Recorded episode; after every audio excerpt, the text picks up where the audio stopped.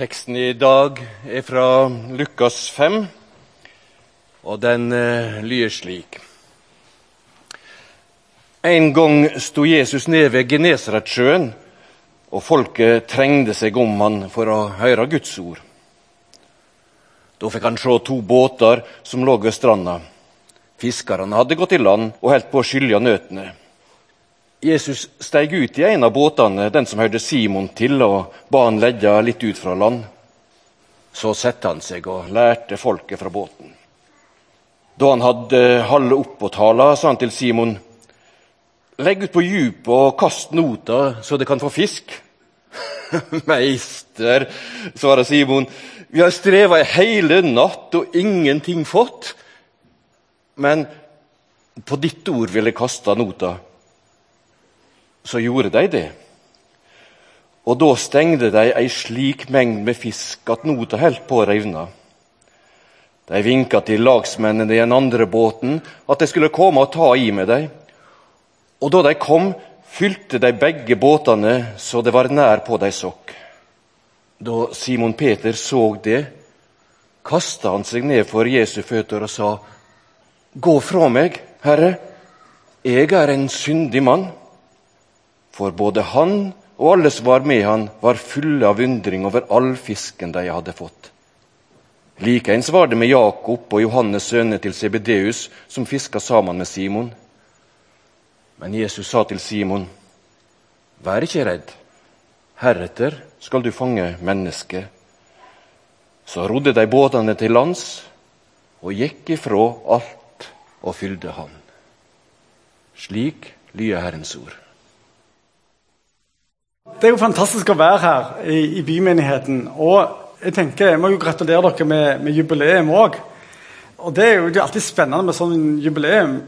Det hjelper oss å se bakover i takknemlighet. Og så hjelper det å se framover. Gud, hva har du for oss i dag? Og jeg tenkte Det var der det med min eksterne visjonalisering, eller visjoncasting, kom inn litt seinere. Men denne teksten den forteller oss jo virkelig hva er disippelskap? Og Teksten er jo utrolig spennende på den måten at det, eh, dere så at Jesus kom og underviste. og Normalt så vil vi tenke Hva var det han underviste? Men denne teksten den hopper elegant over det. Han var så han forkynte Guds ord. Og igjen begeistringen var stor. Sånn. Og så Så det er ikke der på denne fortellingen vekten ligger. Det ligger faktisk på det som skjer etterpå. Og Det er derfor Lukas han liksom zoomer inn en sånn disippelsituasjon. Og jeg synes Det er kjekt med sånne illustrasjoner. Sånne, vi kan lære mye av sånne barneillustrasjoner. for De sier det så enkelt. Ferdig å tale. Kanskje noen syns endelig Jesus, nå var du ferdig å tale. Fint. Og så snur Jesus seg til dem og så sier han, du, legg ut på dypet. Kast ordet ut. Nå igjen Jesus. En utfordring. Og mange ting raser rundt i Peters torve. Jeg syns det heftet sier det. Tømmermannen, hvem er han som skal si meg fisker? Hva skal jeg gjøre? Men ok, da. Jesus, Det funker jo det Jesus sier, så jeg kan bare gjøre det. Jeg syns det er sånn fantastisk ærlighet. og Det synes jeg er noe jeg setter pris med med disippelvandringen. At vi kan være så ærlige med Herren, og han tåler det. Han tåler det. Det syns jeg er så flott. Så ta med deg det. Du kan få være ærlig. Gud tåler det. Så han sier jo du, Jesus må streve i hele natt. Og, og, og, jeg kommer fra en fiskerfamilie, vet du, og, og fiskere de spør er det fisk. liksom? Biter den?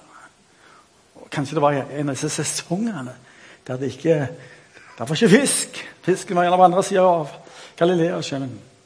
Så de var litt sånn yrkesmessig deprimerte. Det kan jo mer det òg, at du. er Yrkesmessig deprimert. Men Jesus, vi har strevd i hele natt og ingenting fått. Men på ditt ord så vil vi kaste ut noe, da. Og dere, dere, vet jo hva som skjedde. Men i dette her så er jo liksom kjernen i disippelskap Jeg har jobba med det i over 20 år. Vi driver disippeltreningsskoler. Og du kan si at eh, hvis du spør hva er en disippel, så er jo det en som lærer av Jesus og gjør det han sier. Egentlig så er det ikke så vanskelig. En disippel han er en som hører Jesu ord og gjør det. Og Det var jo en sånn rabbinsk tradisjon på den tida der òg, bare det var litt annerledes. Der måtte de søke om å bli Og det var bare de mest perfekte som kunne Bibelen utenat. Peter hadde aldri hatt kjangs. Men Jesus kom, kalte de mange ganger. Og så hva er gjensvaret? Det er så enkelt at alle kan gjøre det. Vi trenger ikke ha, ha noen grad, doktorgrad eller, eller, mastergrad. Det handler bare om å ly, adlyde.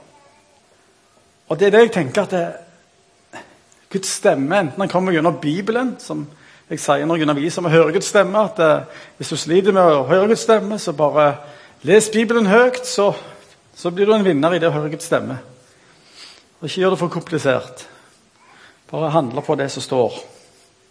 Og så har du dette med åndens stemme som taler ut fra ordet på mange måter. Men alltid i tråd med ordet så kan det være en stemme til oss som kommer og sier nå må du gjøre det. Ok. Og det kan jo av og til være litt sånn plagsomt. Jeg har, noen av dere har hørt jeg har fortalt denne historien før, men det er liksom sånn jeg legger ut på dyp opplevelser.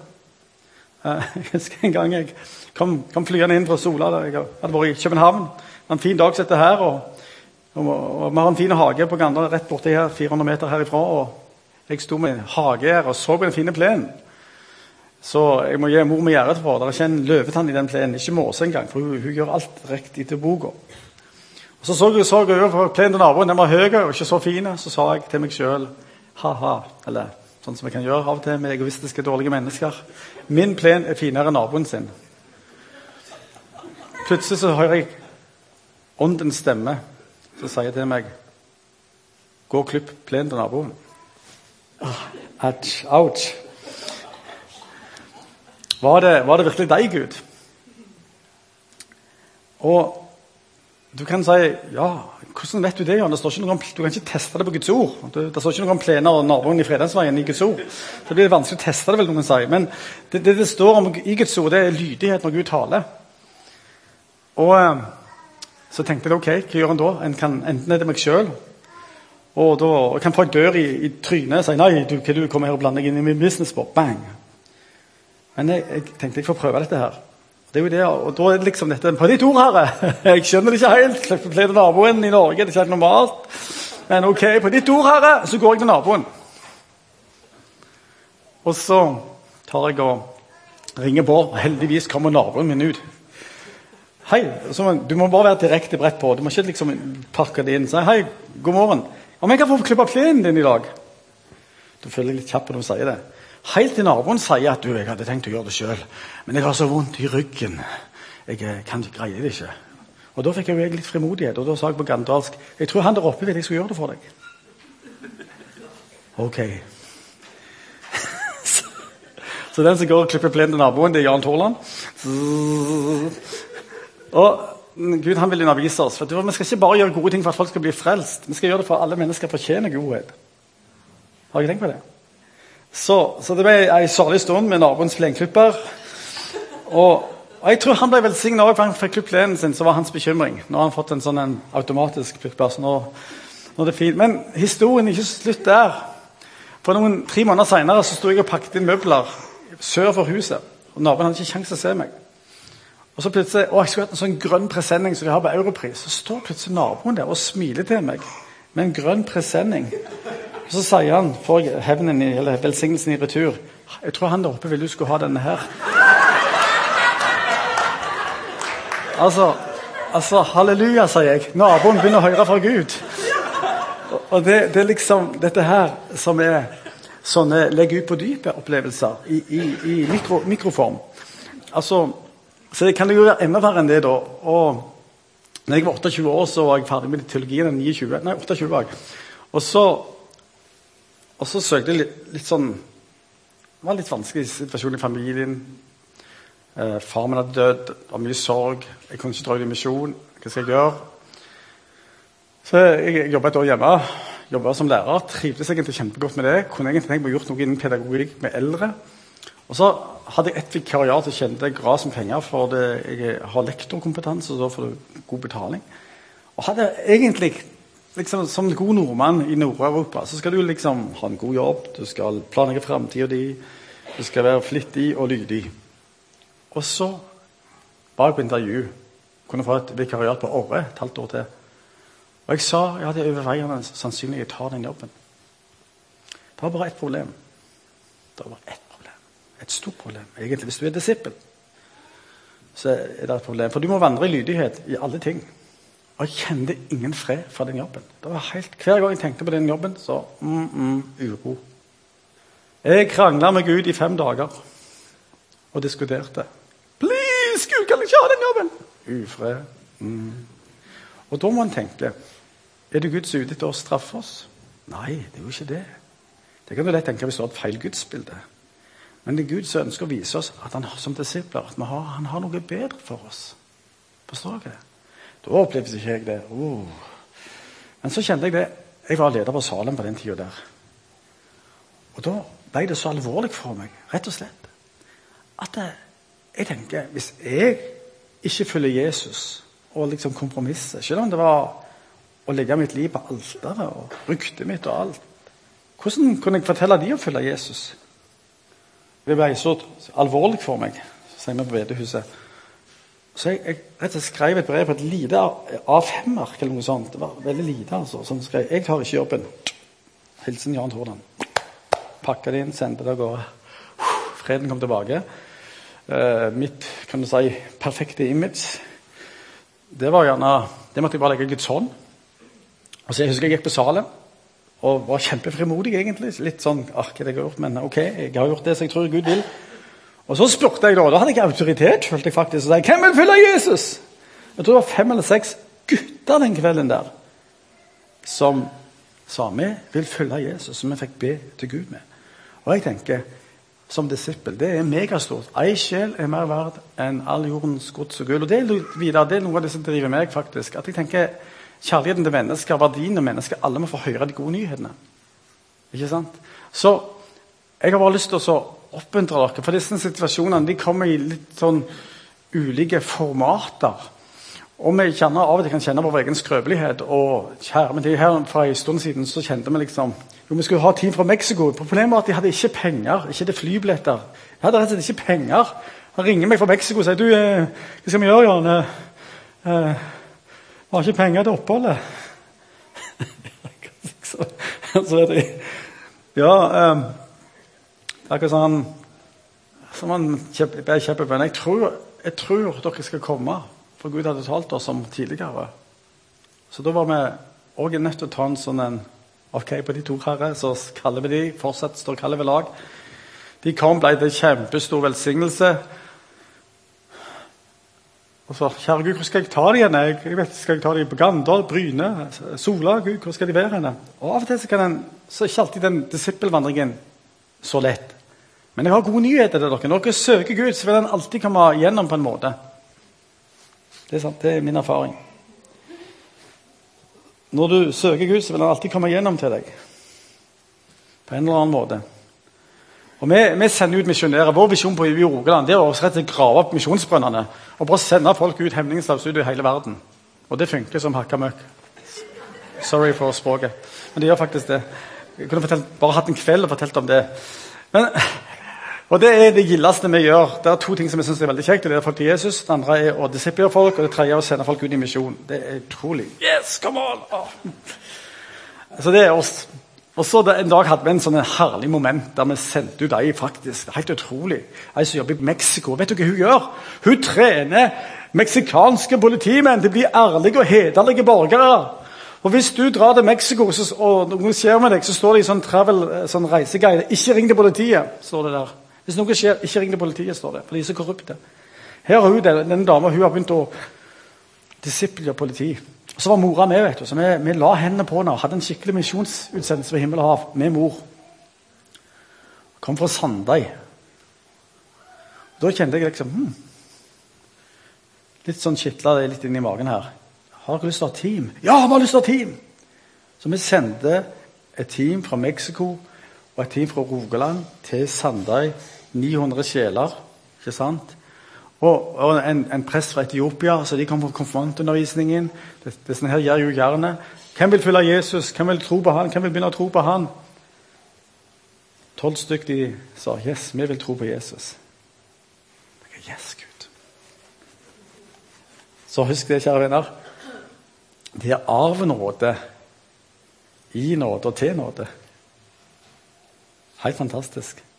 Så dette her, det er disse små disippelbevegelsene som du og meg, som Jesus kaller seg til å gå inn i. Der Av og til så, så går jo ting på det jevne. Det er jeg sier at Jesus gikk ikke på vannet hver dag. Han tok ofte spåten, ikke sant, over. Og sånn er det for oss òg at eh, mange ganger går det på jevne, men noen ganger så sier han du, nå er det en sånn en legge ut på dypet-opplevelse her. Og da gjelder det å, og følge han. Så det er det jeg vil si til deg, og oppmuntre deg og meg til. til. Og det det handler om, det å være disippel. Og nå må vi få opp Jeg har lagd en sånn powerpoint-presentasjon. her. Greier dere å få opp det første bildet her nå? Skal vi se her.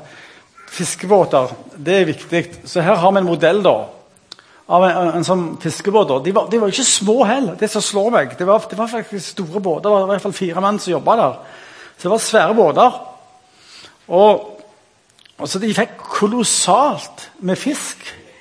Det minner meg om Min oldefar han fikk et sånn, eh, kasta inn hod. Sånn, han fikk altså, det var tonnevis av fisk. Så han kjøpte hus på det. og jeg vet ikke hva de gjorde med dette her. Men det, altså, hemmeligheten og det, Her må vi være litt sånn tørre. Altså, lydighet, det bringer frukt. Det bringer velsignelse. Ikke sant? Selv om det betyr at vi må ta et steg i tro, så bringer det velsignelse. Det fører folk nærmere Gud. Det fører folk til Gud. Akkurat som vi sa ok, vi tar og legger på dypet. Vi vet ikke hvordan det skal gå med finansene på det teamet, men kaller det Norge. Gud sørger for det, og det blir frukt. Frelste sjeler, disippelgjorte sjeler. Så det er ikke så veldig vanskelig. Så neste bilde. De er tilskuere, eller tilhengere. Ikke sant? De står ja! Men Gud kaller oss nå må vi ha neste bilde, han kaller oss ikke til å være tilskuere eller tilhengere. Det er ikke godt nok. Det er alltid bibelsk. Vi skal løpe løpet. Og det, det, er faktisk litt viktig. og Det er der vi, det er der vi sliter med tidsånda. Nei, bare være tilhenger. Der vi har satt mennesket i sentrum. Men det er jo Gud som er universets herre og skaper. Han står i sentrum. Og han kaller oss til noe veldig bra, som disippelskap er. Det er til å bli kjent med han og følge han. Og det var en som spurte meg i fjor Jan, Jan, Jan sånn, eh, Hvor lenge har du vært i bio? Jo, over 25 år. Vil du gjort det samme igjen? Og Da bare tok meg to sekunder og sa ja, jeg ville gjort akkurat det samme. Har det vært lett? Nei. Har det vært krevende? Ja. Har det vært spennende? Ja. Kjedelig òg, men òg spennende. Sånn som det er ellers i livet. Men Gud kaller deg, og det er det liksom litt takeaway Han kaller deg vekk fra tilskuerskaren, og så kaller han deg til å være en som følger Jesus. Akkurat som Peter. Han hørte Jesu ord, og så sier Jesus nå du, nå skal vi gjøre litt annet her. Legg ut på dypet. Da ble han, når han handla på det Han skapte ikke sånn ministry som heter How to Try Out Net. Sånn tjeneste som forkynte at å, det er så bra, fortreffelig det Jesus forkynte. Nei, han gjorde det sjøl. Og er det jeg ønsker at du skal ta med deg i dag. Og si Jesus, jeg vil være en disippel. En som løper løpet. Og jeg syns det er helt fantastisk å se alle de dere som er her. Så kanskje så så engelskmenn sier Maybe you preach to the choir. Kanskje du taler til koret her, alle de som allerede er med. La meg gjøre det. Men jeg trenger å høre det. Jeg tror du òg trenger å høre det. At vi må hver dag må vi si jeg vil ikke bare være en tilskuer, en tilhenger. Jeg vil være en etterfølger. En som løper løpet. Og du verden, det er spennende. Som sangeren sier det, det går opp og det går ned. Jeg griner og jeg ler, men Jesus, du er alltid nær. Og så Jeg lurer litt på om bymenigheten er kalt til å være ja, jeg vet det. Jeg trenger ikke lure engang. Dere er en utenfor boksen-menighet. Wow. Oi, hjelpe meg. Og som individer som er kalt til å gjøre ting som er utenfor boksen, for alle er jo unike. Derfor så vil alle av oss få en sånn en Du, kast ut nettet der, eller gjør det utenfor. Og så kan vi tenke individuelt. Og det er vi veldig flinke til i Norge, for vi har en veldig individuell kultur. Men så har jeg lyst til å tenke i dag litt kollektivt. Og nå kommer den der eksterne visjonen. Det er utrolig mange mennesker som har blitt velsigna av bymenigheten. Ikke bare i Gandal, men i hele Sandnes. Og jeg Litt sånn klisjé jeg har, I have a dream for you guys. Om å se celle- og disippelgrupper over hele byen. At dere skal få lov til å ha celler over hele byen. At dere skal få vinne mennesker over hele byen. Jeg er med på bønnemøte i dag. Ja, er noen som har noe fra Herren? Jeg tror Gud sier strekk ut. Gjør teltet deres større. Strekk det ut til høyre og venstre. Dere har et lite senter nede på Gramleskolen, som vi sier på Gandal. Det var der skolen var, faktisk. Riktig gamle dager. Jeg drømmer om et senter for menigheten deres. Der dere kan drive med disippelgjøring, veiledning, jobbskapelse, bønn, veiledning. Jeg tror Gud på sikt kaller dere til å plante flere menigheter. Gud kaller dere til å ha nasjonal og internasjonal innflytelse. Jeg tror Gud kaller dere til å skape en motkultur mot materialisme og egoisme som setter mennesket fri. Og når jeg ser litt som på for dere, så har jeg fylt videre. Han har jo gitt ut et par bøker som har virkelig vært med å påvirke positivt. Jeg ser på Sigbjørn. Han er jo òg en sånn nasjonal aktør. Det vet dere gjerne ikke, men han drar rundt i, i, i, ikke menigheter, men hans menigheter, sånn helsefolk. Så har han kurs. En av Norges fremste på nakke og skulder. Dere har allerede begynt å ha en innflytelse over landet her. Det er sikkert mange ting som ikke jeg vet om. Men Gud kaller dere, både som individer, til å være disipler. Som menighet, til å være en disippelgjørende menighet. Til å være en surdeig. Jeg drømmer om å se mange flere valgmenigheter innen Den norske kirke. Gud kaller dere til noe som er større enn dere sjøl. Og skal vi si ja, gå fra meg, Herre, jeg er en syndig mann. Men så er min erfaring Gud elsker underdog histories. Han bruker akkurat hva man vil. Og så smiler han til Peter. Så han, du, nå sa du fisken her. Det var jo godt for businessen, men nei, du skal fiske mennesker. Så Gud kaller dere til å gjøre en forskjell i denne byen. Og jeg har lyst til å utfordre dere til å ta ei bønn. Herre, gi oss byen. Og så kan vi ja, men Det er ikke det store be. Men dere er jo bymenigheten. Da har dere jo autoritet, tror jeg, ut fra deres kall. Herre, gi oss byen! Be noen desperate bønner på bakrommet og forrommet. Gud, gi oss byen! Så er jeg helt sikker på at Gud vil gi dere byen. Jeg tror Gud dere skal være en influenser, en påvirker, i Den norske kirke og i denne nasjonen. Så kanskje må dere ta oss og høyne det av og til og si ja, Gud gir oss en arv i Norge òg, og blant nasjonene. Og kjenner dere Altså, Jeg er jo per av visjon. Jo større, jo bedre. Men vi trenger visjon. Og Jeg tror Gud vil gi dere en stor visjon fra den store Gud. Så kjære venner, som menighet så sier Herren til dere Du, legg ut på dypet bymenigheten. Ja, vi har strevd mye, det har ikke vært så mye frukt. Men på ditt ord, Herre, så vil vi legge ut. Vi vil ta det i hendene som vi har i hendene, og gi til deg. Må Gud velsigne dere alle rikt. Amen. La oss be. Kjære gode Gud. Takk for bymenighedens mandat. For denne byen. Det er en rik arv i hele denne byen. Men takk at du òg utvider mandatet deres til å være en sånn en påvirker, influensermenighet. Både i, her i Sandnes, i Rogaland, i fylket her, nasjoner og til noen nasjoner. Velsign de rikt i veien videre. Beskytt de mot splid. Skap en sterk enhet. Jeg ber at du skal velsigne med rik frukt neste dagene, ukene og årene. I dag ber vi seg for de som sliter, at du kommer nær dem. At du kommer og hjelper dem å løfte blikket på deg. Så er det de som står ved veiskiller. Jeg ber at du skal velsigne dem.